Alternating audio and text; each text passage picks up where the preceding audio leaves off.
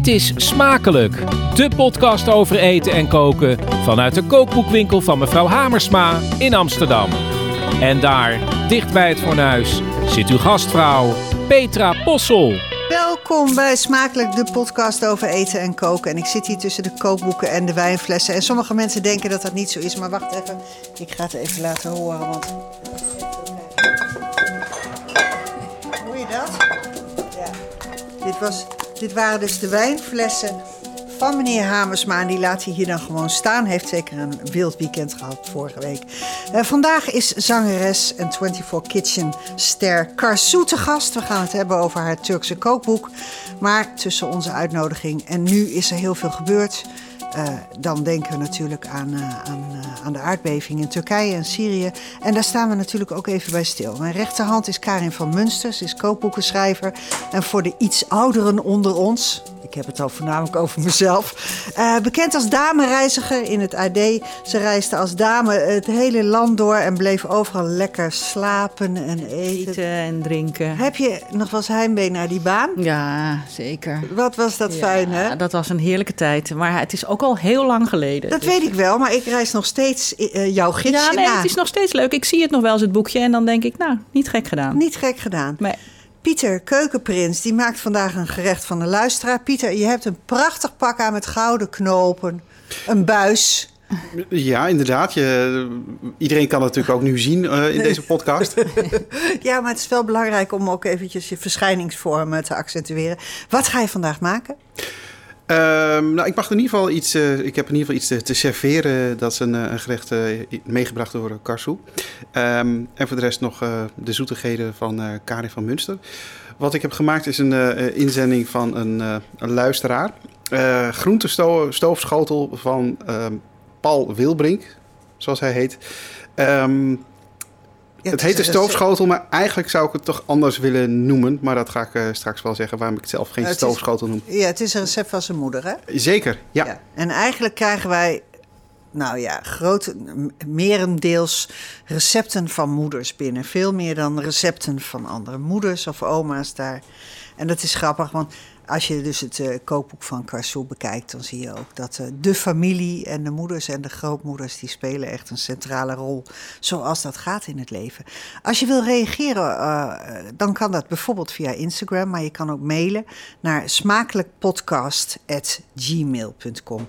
Karin, ik zei het al, je bent natuurlijk een voormalig dame-reiziger. Je hebt zelf ook een Italiaans kookboek gemaakt, maar jij gaat straks een kookboek weer van een ander bespreken, zoals je altijd eh, doet. En vorige week stuurde je mij een foto van een zwart geblakerd baksel. En je schreef daarbij: Ik haat bakken. het is ook zo. Ik vind het verschrikkelijk. Ik vind het moeilijk. Ik bak nooit. Ik, dat komt... Eigenlijk moet ik ook de schuld aan mijn moeder geven. Want mijn moeder is een echte bakster. Die is nu 88 en bakt nog iedere week een pruimentaart, een perencake, een boterkoek. Dus dat ik toch? heb me er eigenlijk nooit mee bezig gehouden. Want ik dacht, ach, dat doet mijn moeder wel. En Ja. die kan het goed. Dus ik moet eigenlijk opnieuw gaan leren bakken. En ik vind dat hartstikke moeilijk. Want je moet daar heel precies voor zijn. Ja. En je moet erbij blijven. En allemaal dingen waar ik, eh, ja, waar ik een beetje moeite mee heb. Ja. En wat je vooral... Ja, ik heb dat, dat misbaksel heb ik nu ook meegenomen. Dus dat staat hier voor ons op tafel. Een zwart geblakerde, zwart geblakerd bananenbrood. En dat is dus les 1. Ga nooit een cake bakken in een weekendhuisje en met een combi-oven. Want een combi-oven, dat is echt slecht spul om, eh, om mee te bakken. Omdat het niet precies genoeg is. Het is niet precies genoeg. Het is, het is- je kan er geen pijl op trekken. Het draait, hè, want het is eigenlijk een magnetron. Ja. Het draait, maar een cake is te groot, dus die draait dan niet mee. Die blijft vast, die komt vast te zitten. Het wordt veel te heet. Dat is ook gebeurd met deze bananencake? Deze, de bananencake is ook gewoon, die is klem komen te zitten en veel te hard gegaan. Dus die hele, dat bovenste eh, subtiele suikerlaagje wat Ja. erop staat, is gewoon Ka, de- keihard verbrand. Ik, ik vertrouw jou niet helemaal, want jij zit altijd alles te downplayen en, en dan ga je het proeven en dan valt het mee. En dat ga ik ook gewoon het is ook, ik, doen. daarom heb ik hem ook durven meenemen. Want kijk, E- eerlijk zeggen, hè? Ja, ja. ik zeg Maar hij is heel erg zwart van boven. Hij ziet er niet per se aantrekkelijk uit, dan, maar hij is van binnen dus. Over echt wel lekker. Erg lekker. Ja, kijk, dit is niet bananenbrood zoals je misschien wel denkt van heel gezond en, eh, en een beetje ja, voor sporters. Dit is bananenbrood met suiker, met boter, met room. Oh. Want zo is Allison. Hè, die, die bezuinigt niet op Karso, al die die legt lekkere hem- Oh, en die legt hem meteen Ja, weg. ik heb gisteren nog een hulp sportklasje die ik er nu weer aan ga eten waarschijnlijk. eh. Ja, maar als Ja. je sport moet je ook goed eten. Dus Ja. ik denk dat hij heel geschikt is. Maar het is echt, ik vind hem lekker. Het is een eh, Nou, goede bananensmaak. ik heb helemaal geen last van sportklasjes. Dat, Daarom. dat, dat, dat kan ik wel te zien. Maar ik vind het heel smeuig. Hij is Mhm, heel lekker. smeuig en ik vind hem ook goed van structuur. Ja. Het is jammer dat hij zo pikzwart is van boven. Nou. Maar eh, Niks aan de hand verder. Mensen Nou, ziet het niet thuis. oké, nou goed. Dus Maar Dan goed. is, dat is de eerste proeven uit het boek. maar je Eh, hebt nog één meegenomen. Ik die heb gaan nog we één, die straks gaan we doen. straks doen. Ja. Hoe ben jij, eh Carson, met eh, patisserie, met eh, bakken? Drama. Drama? Ja, ik heb een keertje... Ik ben gek op focaccia. Ehm, en ehm, ja, ik vind dat heerlijk knapperig, weet je. Dat van Ja. binnen, dat luchtige. Ehm, of ik heb soms het geduld er niet voor. En ik heb één keer gehad dat hij gewoon helemaal niet wilde reizen. En ik was twee dagen gepist. Ja. Ja, dus het is En- niet echt... eh, Het, het lokt bij jou heel veel, eh, eh, het maakt heel veel los. Ja, en ik heb mijn moeder, die is niet zo'n zoete kou. Wel heel veel fruit altijd. Dus we hadden nooit thuis koekjes of zo. Een taart kwam echt bij ons thuis als er iemand jarig was. Dus ik heb het ook niet heel erg meegekregen. Als dan mijn schoonzusje, Fane, die bakt volgens mij elk weekend. En cupcakes en dit en dat. En dat doet ze waanzinnig goed. Ja. En zij kan zomaar zeggen, oh, ik ga hem nu vegan maken. En dan lukt het. En dan smaakt het ook precies weer hetzelfde.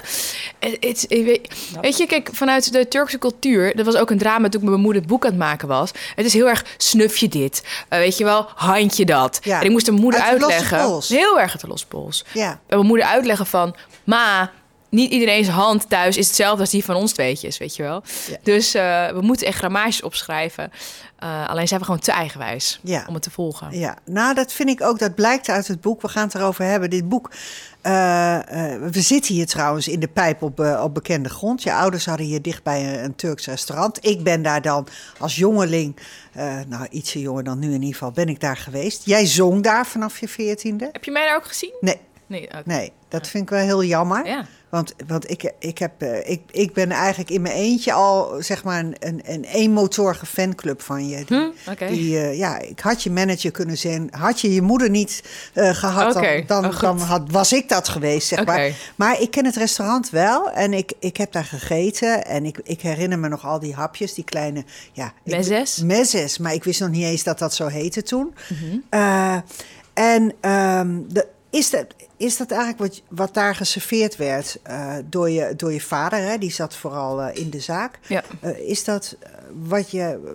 Komt dat ook voor in, in dit kookboek? Ja, zeker. Even een kleine correctie. Het was mijn vaders restaurant. Mijn moeder is onderwijskundige. Dus die had eigenlijk en het liefst niet iets ermee te maken. Ja, heel duidelijk. Dus ik kwam langs, die proefde, die zei goed of niet goed. Nou, ehm, en je vraag was? Sorry. Nou, of Oh, de mezzes. Ja, ja, klopt dit dezelfde zeker. mezzes zijn. Ja, ja, je kan echt eh, een pagina openslaan bij de mezzes. En ik kan je zeg maar zo zeggen van... ja, dat, eh, dat serveerden we daar op die manier. Ik vertel ook nog verhalen van toen in het restaurant. Ja. Dat ik soms recepten wilde weten. Maar dat ik er heel lang... eh, dat het mij niet verteld werd. En dat ik later, jaren later, erachter kwam dat ketchup... gewoon normale ketchup... dat dat misschien de key was om het nog extra zoet en rokerig te maken. Ja. Jij vertelt ook een heel leuk verhaal hoe jij en nichtjes van je en hoe jullie allemaal eh, daar werken. Jij zingt, Ja. eh, ze zitten in de bediening en dat er dan eigenlijk een, een wedstrijd plaatsvindt. Ja. Wie de meeste messen verkoopt. Hè? Ja, ja, hoeveel jij op tafel krijgt, zeg maar. Ja, het was een beetje awkward. Kijk, want als mensen alsnog een voorgerecht hadden besteld... ehm, dan ja, was een mezze misschien wel overbodig. Moet ik ook uitleggen aan de luisteraar wat een mezze is. Het zijn van die kleine, zeg tapas, dipjes op tafel. Misschien yoghurt met gedroogde munt, knoflook en komkommer. Of Turkse kaas met dus tomatenpuree en dus ketchup, walnoot, peterselie. En met, wij maakten ons brood zelf. Ja. En dan was het een beetje als puber, helemaal, een beetje awkward om naar zo'n tafel te moeten gaan. Hoi, eh, wilt u misschien ook nog messen? Nee, nee, nee, dankjewel. Maar wat had mijn vader dan bedacht? Die had dan een hele mooie kar van een Ja. antiekzaak gekocht. En dan zetten we die bordjes neer, heel mooi gedecoreerd. En dan dachten we, ja, ja we moeten toch, ja, het moet van pap. En de mensen, als het niet wisten, die keken eerst dan van, wat kom je nou doen? We hebben al besteld. Kunst was om het dan te zeggen. Ja, hier hebben we hummus, smeurig, met eroverheen wat boter, met wat eh, weet ik veel, geschaafde amandelen. En hier heeft de komkommermunt, hebben we zelf geplukt in ons dorp, laten drogen tussen de wijngaarden, dat overheen gedaan. Weet je, we, we maakten het zo aantrekkelijk. Verleidingskunst Ja, ja, is ja zeker. Eh nou ja, daar kan natuurlijk mijn, mijn toekomstige theaterskills ook goed eh, bij te pas. Dat men op een gegeven moment, de, de ogen werden groter. Je zag de, ze watertanden. En op een gegeven moment, dan, eh, als je dan drie op tafel had, dan keek je naar de bar, naar je nicht. Deze drie. Ja. En dan de volgende zag je haar dan vijf. Weet je Ja. wel? En aan het eind van de avond was onze beloning was een eh, zelfgemaakte cocktail. Zonder dat mijn vader het wist. En die ging, die ging dan uit. En dan zeg je aan het eind, geloof ik, van dat verhaal... eh, Hoi pap. Ja, Dat- dat ja omdat ik nu in één keer zelf aan het lezen was. Dus wist dat elke avond wij, elk weekend... Die dan, cocktail eh, die cocktails er doorheen. joegen. ja, dan werden we wat lolliger geen aan het eind. virgin eh. cocktail waarschijnlijk. Nee, nee, dat was echt vol, vol op Sambuca. Volgens mij. Ja, je, bij lekker. binnenkomst vertelde je al, jouw boek is, is een ware hit. Het is ook een, een- een raar eh, tot stand gekomen, de hit althans. Want Ja. eigenlijk kwam het te vroeg in de publiciteit. Je besloot het eerder te laten verschijnen om de eh, opbrengst aan Turkije eh, te schenken. eh, van, de, van, de eerste, hè, van de eerste druk. Ja, de ver- voorverkoop. de voorverkoop, ja. Ja. Na de verwoestende aardbeving, daar familieleden van jou, die zijn daar omgekomen. Nou, we hebben dat ook allemaal gevolgd in de media. We zagen daar een jonge vrouw staan. Ik vond het adembenemend. Je was ijzersterk je had een stem die, die uit de hel kwam, zo diep, zeg maar. Het was ook gitzwart. Eh, je was in de, in, in, in de rouw, nou, zeer zichtbaar in de rouw. Eh, hoe houd jij je op dit moment staande in, in al deze misère? Want die misère die waait niet in drie weken of twee maanden over. Nee, en het is ook nog niet voorbij. Is dat mijn oma, die is ook nog een paar dagen geleden toch nog overleden. Want Oh. die heeft vier dagen onder de puin heeft ze overleefd. Als 89-jarige. En ze is toch drie dagen geleden overleden. Mijn vader was net te laat voor de begrafenis. Dus het, het, het gaat nog steeds door. Ja, gecondoleerd. Eh dankjewel. Eh en daarnaast eh, dus echt, ik denk, we zitten nu op 16 familieleden.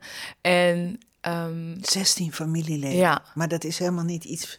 Nee, ik had vroeger wel eens dat ik hoorde dat in een auto-ongeluk, weet je wel, dat twee Ja. kinderen en ouders, maar eentje heeft overleefd. Dan was ik daar een week van slag, al kende ik die mensen niet.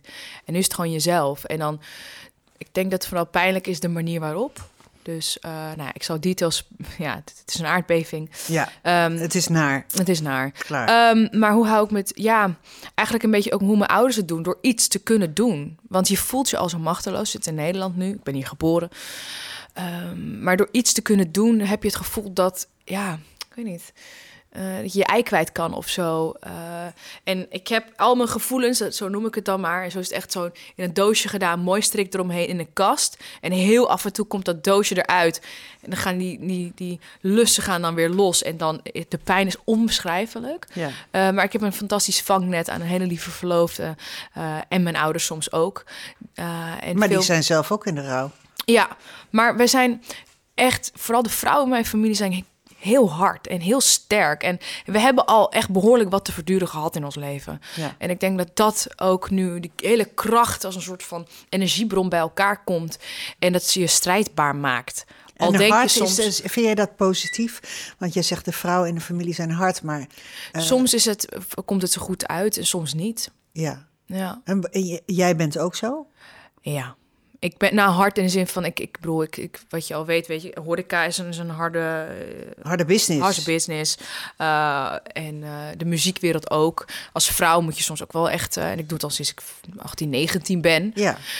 Um, en dat wil niet zeggen dat ik iets negatiefs heb meegemaakt hoor, maar het is vallen en opstaan geweest. En voor dat opstaan heb je die kracht nodig. Ja, je moet gewoon vechten. Ja, je moet dat, vechten. dat is echt waar. Um, dus ja, met al op al. Uh, maakte, de, maakte de mensen die daar nog zitten, zijn heel erg veerkrachtig. Mijn vader zit nu in het dorp, omdat dus voor begrafenis voor zijn moeder.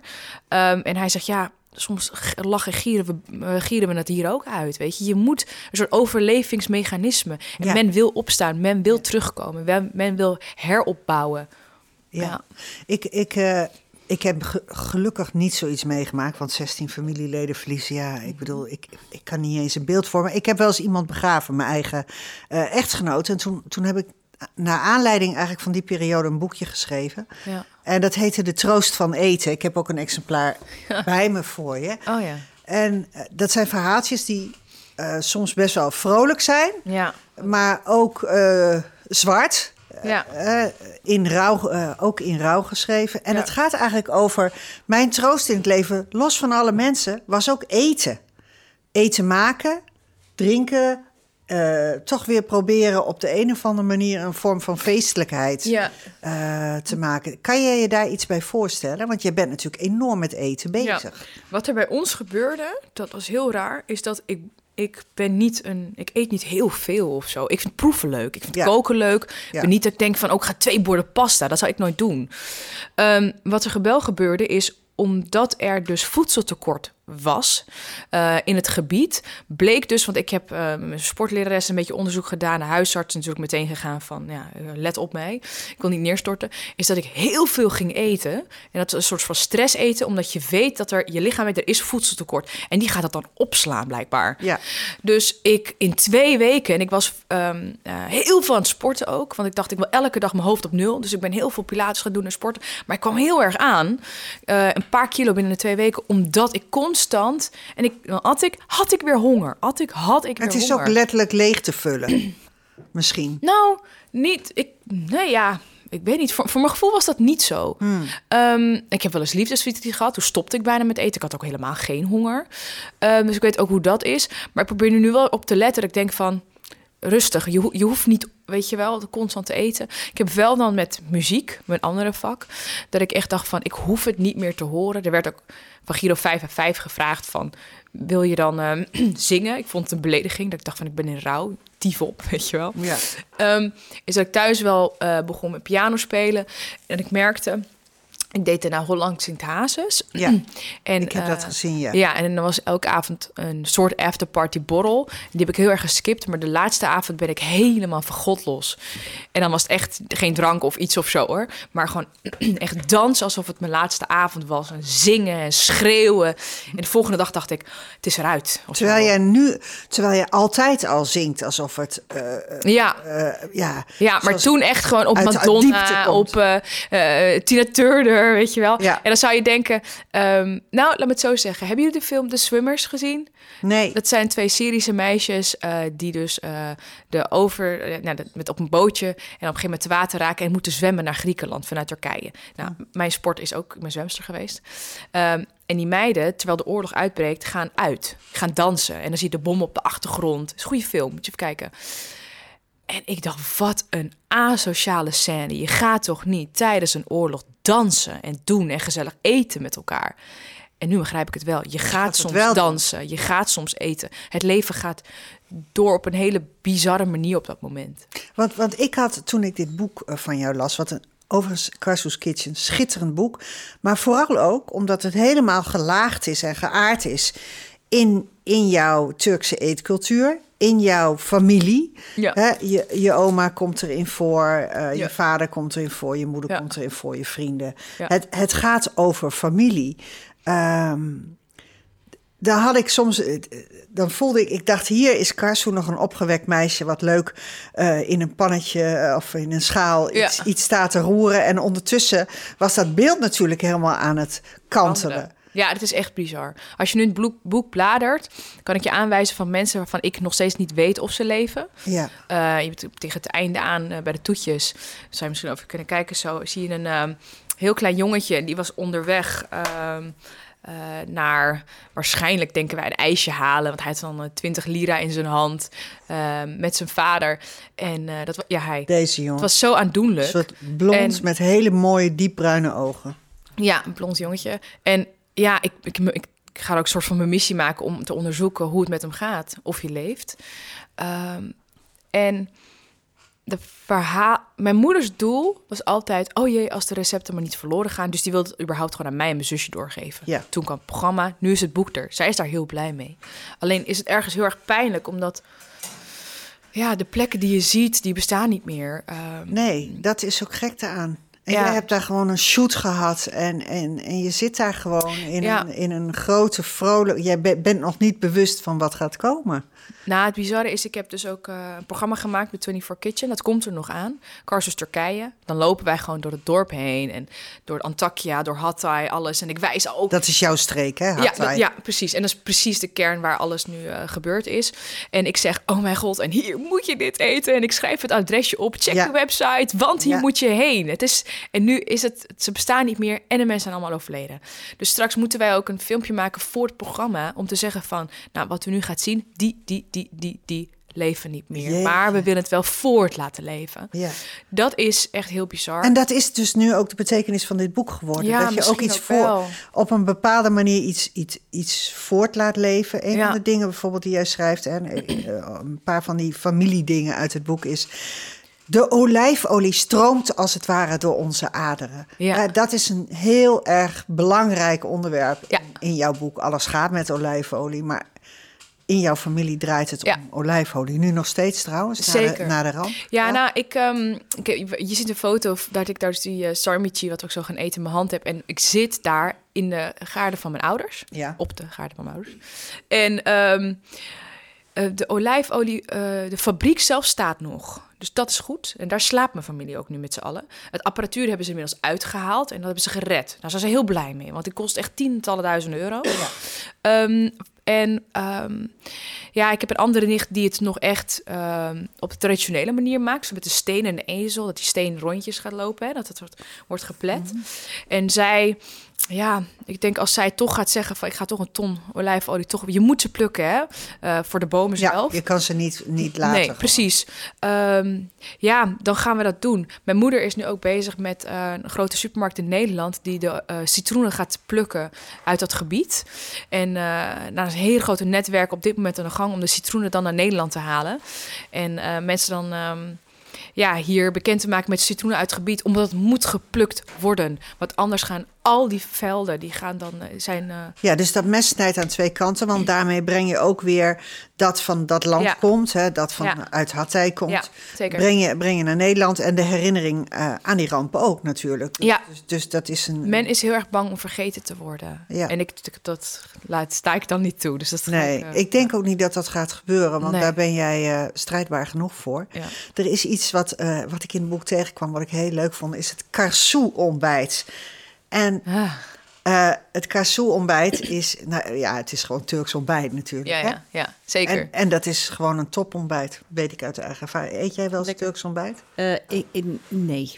maar ik heb het gezien in het boek en ik Ja. vind het lijkt me heerlijk. Het Ja, is Met zo lekker. En, eh, Ja. en- Ja. ja. hartig is het Vroeger eigenlijk. had je, ik denk dat je dat ook bedoelt in het boek. Je omschrijft het een beetje, had je mozaïektheater in, eh ja, je kent het! in Bos en Lommer. En daar kon je... je, je maar dat is van mijn familie. Ja, dat weet ik. Oh. Dat lees ik in het boek. Oh, oh ja. Het staat- maar oh je kon vroeger ook Turks ontbijt hier op de Albert Kuip.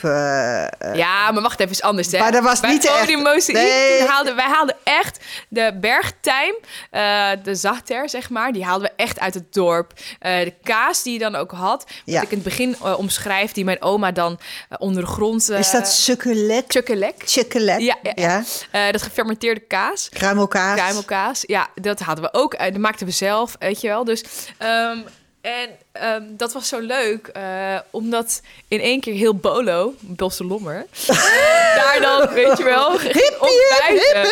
Ja, en ik dacht heel vaak van, mensen, dat komt echt uit ons dorp. Maar ik dacht, ik ga nu niet alle tafels zelf langs om een beetje de dorp promoten. Ja, maar, Ik wat- had- is dat nu niet meer zo? Kun je daar nu niet meer zo Nee, het is Ontbijten? overgenomen. Ja, het is overgenomen. Ja, dus ik, we hebben nog en een Turkse aantal, ontbijt eh, is, is, is ook daardoor... Nee, maar nu kan je het in het boek vinden, hè? Hallo. Ja, ja, Ja. je kan het zelf maken. Ja. Maar het is zo fijn omdat het met worst is. En het is met eh, hartig. eh, het is zeg Ja, maar dit- hartig en het zoet. ziet er geweldig uit. Ja. Hoe heten die flensjes ook weer? Nou ja, het is van alles heel erg lekker. Nou, weet je wat het leuke is van een, een eh, Turks ontbijt? Ik, had, eh, ik was een keertje met een producer naar Turkije om een plaat te maken. Eh, Jacob, een Hollandse jongen. En die zei, in Nederland dan pak ik een stuk brood... en dan beslis ik wat ik ga eten en dat doe ik erop. En dan ben ik klaar. Maar, zegt hij, de tafel is met soms 20, 30 dingetjes. Ehm, en hij zegt, bij elke hap kan ik nu beslissen wat ik dan wil. Wil ik een beetje de salade? Wil ik nu een beetje de kaas? Ja. Of een beetje eh, van burek of menemen. Dat is dan een soort, uh, men kent het als shakshuka misschien nu wel. Ja, ja. En dat is zo leuk. Dat is ook een leuk verhaal, want het is een soort ratatouille. Ja, Hè? Eh, je denkt shakshuka natuurlijk aan een ei. En, en zo hebben wij dat hier leren kennen. Dat is een beetje de Ja. Midden-Oostenkeuken. ja. Maar de Turkse is dan niet met ei, maar is... Is een mezze. Is een ja. mezze. Met eh, aubergine, eh courgette, uien, tomatensaus. Ja, dus dat is net wat anders. Ja. Maar de shakshuka die men hier kent met de eieren... heet bij ons dan menemen. Ja. Ja. ja. Nou, zo kom je al die kleine gerechtjes tegen. En dat was voor de plaag die share dining heette. Want dat wil ik dan ook nog even Dankjewel. benadrukken. Ja. Want ik haat share dining. Ja. Nee, echt? Behalve bij het ontbijt. Maar ik haat het niet als je in royale gulle porties van een tafel eet. Ja, oh. Nee, ja, dat is toch iets anders. Dat is toch iets anders, want share dining is, dan komt er één gerechtje en dan Ja. moet je daar met z'n tweeën, moet je dat zien te verdelen. En dan heb je meteen een Het is soort eigenlijk een beetje mini-oorlog. zuinigheid. Is het, Ja. Terwijl zo'n Zo is het geworden. Dat ziet er gewoon heel vorstelijk royaal uit en, Ja. en gul. Ja. Een Kan iedereen van ontbijt mee eten. kan je gewoon Ja. de hele dag op verder. Ik Dat vind is- het ook zo'n lekker weekend eh, begin, Ja, zo'n, dat dat dus ontbijten. Ja, Dat dus is wij eten dat dan half twaalf ongeveer bij mijn ouders schuiven we aan. En dan, eh, ja, als je dan komt, moet je altijd het brood meenemen, Turks brood. Eh, omdat het dan vers Ja, is. Is dat pide? Pide, ja. Pide. Het is trouwens Pide. ook wel het meest gemaakte recept uit het boek. Pide? Ik mag allemaal foto's van allemaal mensen. Ja, iedereen Oh ja? maakt Turks Oh ja? brood. Ja, men kent het natuurlijk wel. Wij gaan zo wat van je proeven, maar ik wou nog even over je vader hebben. Eigenlijk ook nog over je moeder. Maar je vader die, die, die gaat naar de markt in Bos en Lommer. Ja. En die gaat voor de vis. En dat is een heel, hè, die gaat vis kopen. Dat is een heel proces ook, hè, waarin, waarin eh, heel secuur wordt gekeken.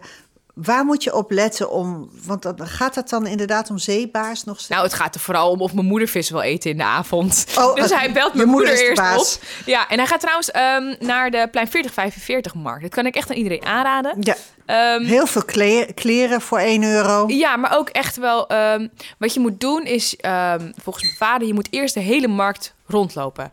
Kijken wat wordt verkocht, welke prijs, welke kwaliteit. En dan moet je gaan voor kwaliteit. Oké, waar was je de beste tomaat? Mijn vader is een tomatenman. Er wordt altijd in het Turks huishouden wordt er vaak bij een visite gesproken. hey, de kilo tomaten daar was zoveel euro en supergoed. Ja. Eh, want tomaten geven smaak aan je eten, dus aan het leven. En je mag er eigenlijk niet op bezuinigen. En dan gaat hij daarheen en dan eh, wordt er ook inge- ge- rijkelijk ingekocht. Want tomaten wordt heel veel gebruikt in de Turkse ko- eh, keuken. En hij koopt dat, koopt dat voor mij ook. En nou ja, zo gaat dat. En met de vis belt hij mijn moeder en is het zo eh, van wil je vis? Ja. En dan eh, naar de ogen natuurlijk. Hoe helder zijn de ogen? Hoe Eh, ziet, de, ruikt hoe die? ziet, hoe Ruikt die naar huid eruit? eruit? De, de kieuws zijn ze rood genoeg. Precies. En zo grappig, ik had twee dagen geleden met mijn vriendinnetjes ging ik ook vis koken. Mijn vriendin Jasmina, die kocht drie verschillende maten zeebaars. Toen zei ik, oei, dan moet de ene iets langer in de oven. En het zei ze, nou ja, I had one job, weet je wel. dus ik zeg, maakt niet uit, maar dan weet je vanaf nu. Ze waren wel heel vers, maar ook dezelfde maat als je het in één keer in de oven Ja, gaat doen. ja. ja. Vind ik altijd zo grappig met vis, dat het eigenlijk niet naar vis moet ruiken. Ja. Ja, Als je Ja, de ja, vis ja. koopt, hè? ja. En terwijl dat trouwens eigenlijk heel vaak wel doet, valt mij op. Ik vind dat vis Op, vaak... op een markt. Ja, op een markt. Ja. Zeker, Ja. zeker. ja, maar ja. We gaan, we gaan even wat proeven. Eh, want jij hebt bulgur salade meegenomen. Ja. Bulgur. Bulgur. Ja, het is een eh, zeggen. rauwe ehm, eh, salade. Dus heel vaak denken mensen dat bulgur alleen maar eh, ge- gekookt kan worden. Is niet zo. Je hebt fijne bulgur en grove bulgur. En dit is fijne bulgur. En het natuurlijk met onze eigen olijfolie. Ehm, je eet het met, s- met, het stukje sla. Dus je kan hem dichtvouwen. Oh ja. En het is wel Als leuk is... wrap, een beetje. ja, deze techniek hebben ze ook in volgens mij in Vietnam. Dat je zo met vlees... Ja, of met eh, sla. En Ko- eh, Korea ook. Oké, en ehm, het interessante is, is misschien even naar de andere pagina. Als jullie daar zo heen kunnen naar de ontbijt. eh, nee, even naar het ontbijt. Ja, je moet echt flink naar voren. Of geef het boek maar anders aan mij. Nou, Ik laat wel even zien. ja. Het meest bijzondere hieraan is niet per se de olijfolie of het gerecht zelf, maar er gaat granaatappelmolasse in. En granaatappelmolasse eh, wordt bij ons in het dorp gemaakt van te onrijpe granaatappels. Ja. Die ehm, plukken wij vervolgens en eh, met een stok slaan wij die pitjes eruit. Ja. En ehm, dan gaan we dat in... Kijk, dat zie je hier. In grote bakken doen we dat dan. En dan gaan we in, met laarzen gaan we erop staan. Ja. Alsof we wijn aan het maken zijn. En met het sap, dat wordt hier in een grote pan gezet op sprokkelhout. En dat sprokkelhout is dan van of de granaatappelboom of de olijf, olijvenboom. Ja. Ehm, het is een soort ongoing process. En dat koken we dan urenlang in. En dan krijg je eigenlijk wat zij in haar handen heeft. Een soort een zwarte melasse van dus granaatappel. En dat geeft dus de zure smaak die jullie nu proeven. Is het zoet? Of is het Nou, vooral zuur? Kijk, bij ons in het dorp, wat ik al zei, we, we plukken de granaatappels te, te vroeg. Mhm. Dus je ziet dat er witte pitjes zijn. Ja. Daardoor is hij zuur. Dat vinden wij erg lekker. In Turkije, de rest van Turkije, is het wat zoeter. Mhm. Ja, dus wij zeggen in het boek ook, mocht je het ook niet kunnen vinden in de supermarkt, dan kan je ook gewoon citroen gebruiken. Ehm dat geeft een verfrissende smaak. Het is ontzettend lekker, want. Dit het is is en pittig. lekker. Het is heel verfijnd, want ik, ik heb wel zoiets gegeten, maar dat vond ik dan een beetje grof. En dan ben je de smaak kwijt. Ja, En wat, eh, het wat boek, maakt het... Eh, wat voor peper doe je erin? Want het is... peperpuree. Oké. Er wordt, het is wel grappig, is een Turkse keuken is bijna zoals die van Mexico. Is dat van olijf, eh, de, je begint met olijfolie, ui, soms knoflook, zit hier dan weer niet in.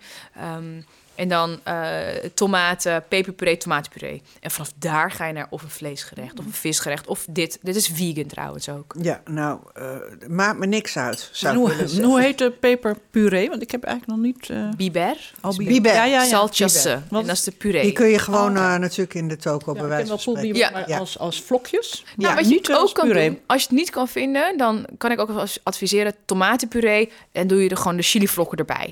Dan kom je een beetje op hetzelfde neer. Ja. Niet tegen mijn moeder zeggen. Dit zijn de geheimen uit de Turkse keuken. Ik wil nog even goed aan je moeder doen. Die, die eh, heb ik aan de telefoon gehad, want dat is jouw manager. Maar ik dacht gewoon, het is een manager. Ja. Dus eh, zaten we heel formeel over Karsoe te praten. En ik Ja. had haar natuurlijk eigenlijk willen zeggen dat ik gewoon de voorzitter ben van haar fanclub. Maar dat niemand dat nog weet. Eh Karsoe, dankjewel. We gaan, we gaan verder, want, want Prins Pieter, keukenprins Pieter, die staat natuurlijk ook te trappelen. Straks gaan we het hebben over de Amerikaanse culinair schrijver Alison Roman en haar comeback als het ware. Maar nu de warme hap met keukenprins Pieter, want elke aflevering maakt hij een gerecht. Dat is ingezonden door een luisteraar.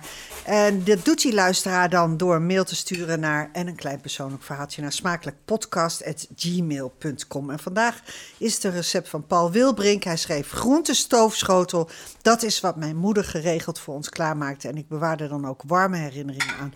Bovendien kun je het naar smaak lekker pittig maken. Dus in meerdere opzichten is het een hartverwarmend gerecht.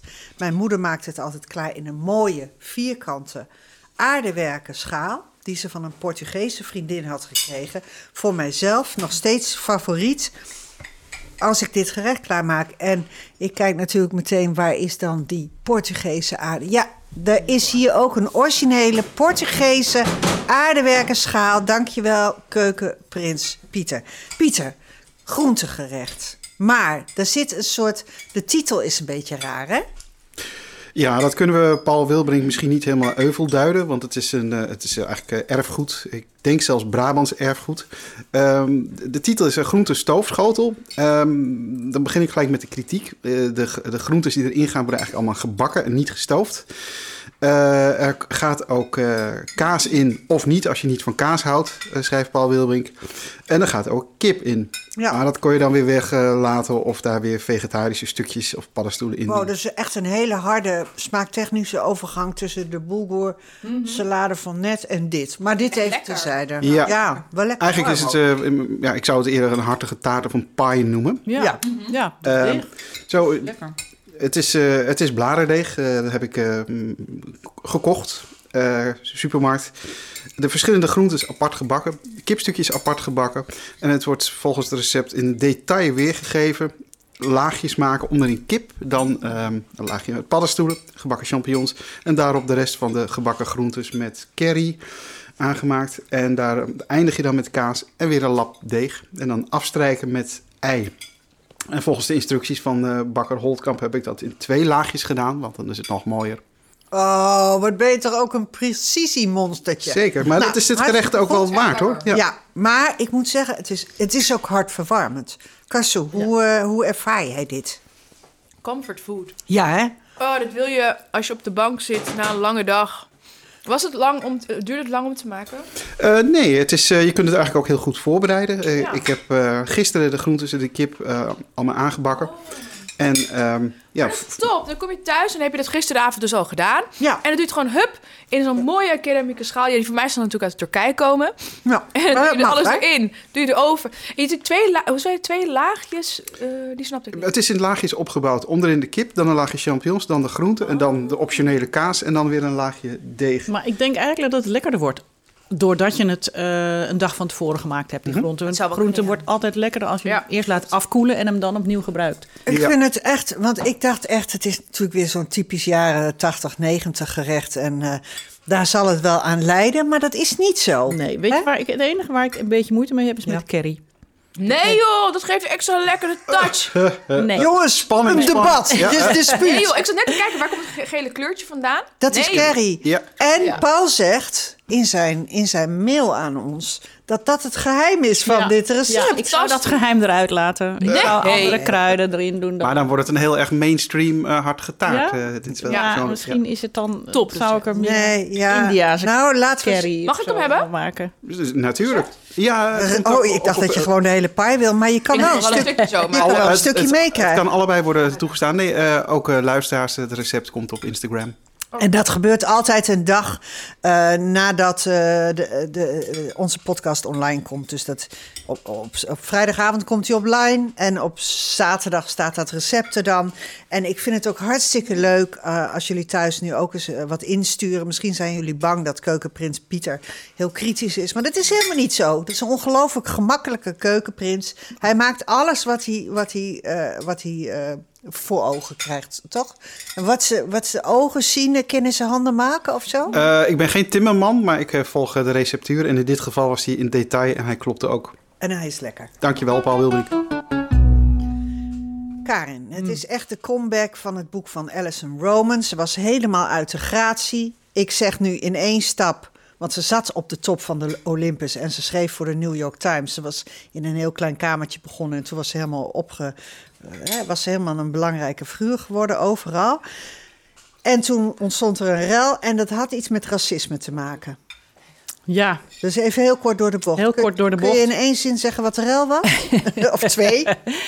nou, ze had, ze, eh, eh, ja, racistische, ze had zich racistisch uitgelaten volgens sommige mensen. Maar dat was, dat was natuurlijk helemaal niet haar bedoeling. En dat, ik vind het ook niet helemaal terecht dat ze daarvan beschuldigd is. Ze had, ze had kritiek op twee eh, celebrities in, in, in Amerika. Ja. De manier waarop zij hun eh, bekendheid gebruiken. Dat ze dat commercieel Zoals, uitbuiten. zoals de opruimcoach Marie Ja, Kondo. die hè, had daar ineens een lijn met eh, spulletjes, terwijl zij dus propageert... je moet eigenlijk ontspullen, ging zij zelf een lijn op de markt brengen met spulletjes. Oh ja. Ja, Nou, maar dat, dat- is ook lachen. En die hele Marie Kondo is ook al helemaal van die koers af. Want die is nu heel erg aan het spullen inslaan. Ja, het lukt er zelf niet Nou ja. Nee, sinds ze een kind heeft. Kun je nagaan, geestig, daar had zij kritiek op. En terechte kritiek volgens mij. En ze had ook nog eens kritiek op een model dat ineens een heel groot kookboek of een, eh, een kookboek eh, publiceerde en ineens een Instagram-account met eh, duizenden volgers. En ze zei: Ja, dat laat zij allemaal doen. Zij heeft mensen voor zich werken. Zo zou ik het nooit willen. Dus dat was ook op zich een, een goede eh, kritiek. Alleen, het waren twee Aziatische dames die zij aanviel. En daarvan werd gezegd: Ja, dat moet je niet doen, want eh, ja, dan Ja. is het racisme. Toen is ze En keihard gecanceld. gecanceld. Ze is en volgens daarna, mij zelfs de baan ook kwijtgeraakt Ja, bij, de- de- eh, bij de bij New York, Times. Times mocht, is die, die column is stopgezet. Ze was bezig met een televisieprogramma. Dat is ook stopgezet. Heel naar. En wat er ook verweten werd, is dat zij zich allerlei eh, gerechten toe-eigende. Terwijl die eigenlijk uit een andere cultuur stammen. Ja. Dus ze had the stew, noemden ze dat. Dat is een, eh, een bepaald stoofgerecht.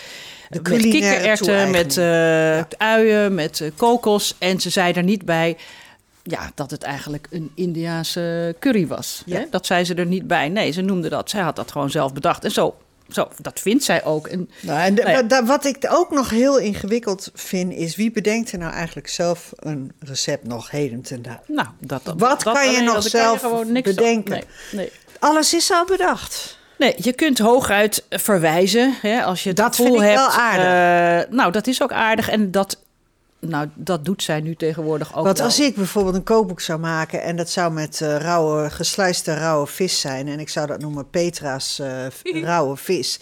Ja, dan, dan krijg ik natuurlijk ook eh, iedereen op mijn dak terecht. Ja, ja, maar goed, ja, dan... Nou, ik, ik denk andersom kan je het ook doen. Weet je waar ik heel zagrijnig van word? Als een gerecht een bepaalde naam krijgt en het is het niet. Dus zou je niet aan een bepaalde... Kijk, mayonaise moet je een bepaald aantal percentage olie erin hebben. Dan mag je het mayonaise noemen. Ja. Anders is het frietsaus. Soms ben ik in een restaurant zeggen ze... Ceviche van kokosmelk. En dan krijg je vis. Wat is ceviche? Dat moet gegaard zijn in zuren. Ja. En dan krijg je gewoon... Ja, zoals ze vroeger ook alles Ja. carpaccio noemden, wat eh, dun, Ja, eh, dun dun gesneden was. Ja, hè? Dat is precies. ook van Zo'n dikke klomp eh, rauwe eh, Vis met vis. kokosmelk. Dat Dat heel jongens. vies trouwens. Ja. Ik vind het ook niet... En dan is eigenlijk ook het proces van garing natuurlijk totaal Echt? Ja, maar noem het dan geen ceviche. Nee. Nee, maar zo, zo, ik vind dat je haar van dit, dit soort dingen niet kunt Dus die eh, comeback, betichten. even heel kort door de bocht, comeback is, is terecht. is terecht. En ze heeft het. eh, nou, ik, ik vind het echt knap wat ze gedaan heeft. Want ze was de column kwijt, ze was dat televisieprogramma kwijt. En de pandemie brak uit. Dus ze zat alleen thuis met helemaal niks meer. En ze werd door het slijk gehaald en dacht: ja, wat nu? Toen heeft ze iets slims bedacht. Toen heeft ze een, een ja, het klinkt heel suf, en dat zegt ze ook, een nieuwsbrief heeft ze bedacht. Ze noemde dat a newsletter. En daar kon je je op abonneren. En dan Ja. kreeg je en een column, en een kookvideo, en een recept. Oh, dus ze ging het gewoon zelf Ze doen. ging het gewoon allemaal Ze zelf doen. Ze dacht, fuck it iedereen. Ik Ja. ga gewoon zelf vanuit mijn keukentje in Manhattan... ga ik eh, aan mijn terugkomst werken. En dat is haar fantastisch gelukt. En zo goed zelfs dat ze nu... eh, nou, dit derde boek is echt een viering van haar comeback. En het is haar derde kookboek in vijf jaar. Dus Ja, en dat, dat wordt ook groot gevierd, want ze gaat op tournee. Ze Ze, zou tournee. nu eigenlijk in Nederland zijn en dat is ze niet. Nee, want, Want- ze is nog niet zo heel bekend in Engeland, gek genoeg. Het is wel heel leuk, want ze is heel populair in eh, Amerika, in Nederland en in Australië. Maar voor de rest van Europa moet ze allemaal nog, eh hè, als- Veroveren. als al willen, moet ze nog veroveren. En Engeland is ook nog niet zo erg van haar eh, op de hoogte. Dus daar is, daarom is ze nu naar Engeland om, eh om daar te Nederland, presenteren. tournee Nederland is afgelast. Ja. Ze is naar Engeland, ze is naar Australië voor een Ja. grote eh, tour. En dit is het comebackboek en het is een pakboek. En ja, jij hebt wel echt flink tegen mij lopen mopperen van... Ik mopperde, ik mopperde. ja, Ja, ja, waarom moet ik dit doen en zo? Eh, jij wil altijd van die gezond boeken doen. Nee, je ging gewoon een bakboek doen.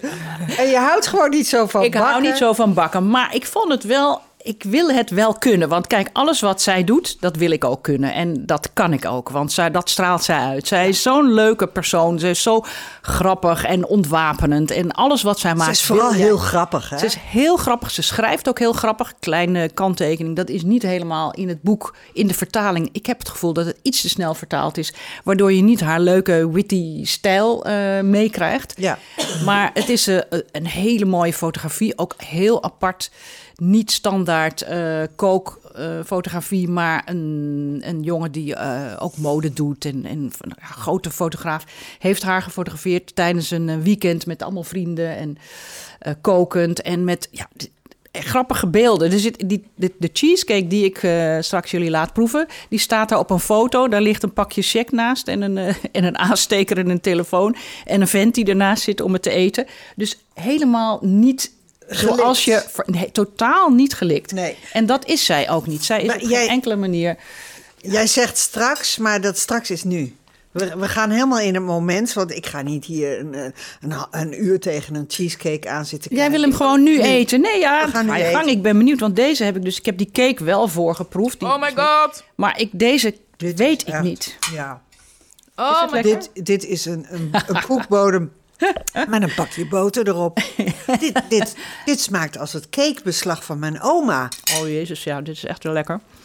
Dit, Ja. dit was het cakebeslag van mijn oma. Die raspte sinaasappel Ja. of eh, citroen Ja. overheen. Ja, maar en dan mocht ik de, de pan uitlikken en dan zat de, de schaal, weet je wel, de kom. En na het mixen. En dan zat er steeds meer in. Dit, als je dit gewoon een hele taart van opeet, Ja, dan? Nou, dan, Dan leef je niet meer. dan leef je niet meer. Dan lig je de hele dag op de bank. Maar dan heb je wel een mooi leven gehad. Heel Ja, mooi. je hebt wel genoten. Ja, ik had dus een beetje moeite met die, eh, met die koeklaag eromheen. Ja. Want no- Nederlanders doen altijd eh bastonjekoeken, maar dat Oh vind ja. ik niet lekker. Nee. Dat vind ik veel te overheersend. Hè? Ja. En ehm, Graham crackers had je eigenlijk moeten hebben, maar die kun je hier niet krijgen. Toen heb ik even op internet gezocht. De meeste mensen doen dan eh digestiefs, volkoren, van die volkoren koekjes, weet Ja. je wel. Dus die heb ik eh, verkruimeld en dan met gesmolten boter en suiker. En dan moet je het als een soort deeg kunnen aandrukken. Nou, dat lukte bij mij helemaal niet. Het bleef krummelig. En eh, ik heb er nog meer boter bij moeten doen. Ik- hij het is een nog steeds wel vrij ja, krummelig, Ja. ja. dus dat vind ik... Ik zou voor eh, volgende keer een ander koekje nemen. Ik, niet een, eh, die, Ja. die is te Nee. grof. Ik denk eh, misschien... robuust gewoon. Ja, Robuuste, Ja, het is ook precies. Het is Ja, robuuste. Ik, ik, qua smaak vind ik hem wel goed. En hij hoort ook een beetje bruin te zijn, hè? Als een eh, zo'n echte Ik vind dat het er ook cheese. heel mooi uitziet. Voor mij was het spannend, want ik had eh, de, de eer en de zorg om hem te moeten snijden. Ja. Eh, die korst is eh, mooi hoog. De, de rand is eh, een centimeter of drie hoger dan de. Dat de- staat de mooi, laag. toch? Ja, fantastisch. Ja. Nou, ik dacht eerst, jeetje, dat is niet, helemaal niet de bedoeling. Maar toen keek ik op de foto in het boek, wel. Ja. Hij hoort wat hoger Ja. te zijn. Het is heel Ja. elegant, ziet het eruit. Casso die Ja. eh, boekt nu, terwijl we hier zitten, al haar nieuwe Pilateslessen in. omdat wel, eh, ja. vandaag alweer aan de tak zit. Casso, vertel... Oh, jij, jij bent graadmager, je doet gewoon je, zo... Dat is niet waar. Nou ja, je bent slank. Laat ik zeggen, je hebt een taille waar mijn handen omheen kunnen. Ik heb dan ook wel kolenschoppen hoor. Maar, Casso, wat vind je ervan? Ja. Oh, soms Oh, je hebt hem al op. Tering lekker. Ja, Tering lekker. Maar je je, weet je, ik ben niet zo zoete kou, hè? Net zoals mijn moeder niet. Maar taart, daar kan je Ja. me voor wakker maken. Oké, Ja, dus het leuke van, het vind ik wel van taart en van cake en van koekjes. Het is zo leuk om mee te nemen. Om, om bij iemand op bezoek te komen en iets mee te nemen. Of als je ergens gaat eten, ik neem een toetje mee. En dat je dan iets leuks maakt. Ja. En wat jij net zei van troost, of jullie hadden het over troost eten.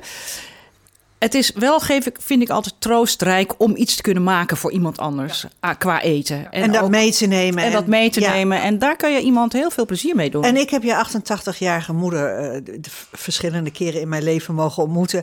En dat ik, ik weet zeker dat zij gelukkig door het leven gaat, omdat zij mensen dingen geeft. Want Absoluut. eh, ja. het, is, het is een tegeltekstje, maar ze krijgt het dan ook weer terug. Ja, dat zie je Zo is het. Dus ik ben blij dat ik me in dit boek heb eh, mogen verdiepen in dit, in dit, dit kader. En ik ga je moeder nou ik maar door. verrassen. Ja, ik ga mijn moeder verrassen. Dat is Ja. een goed idee.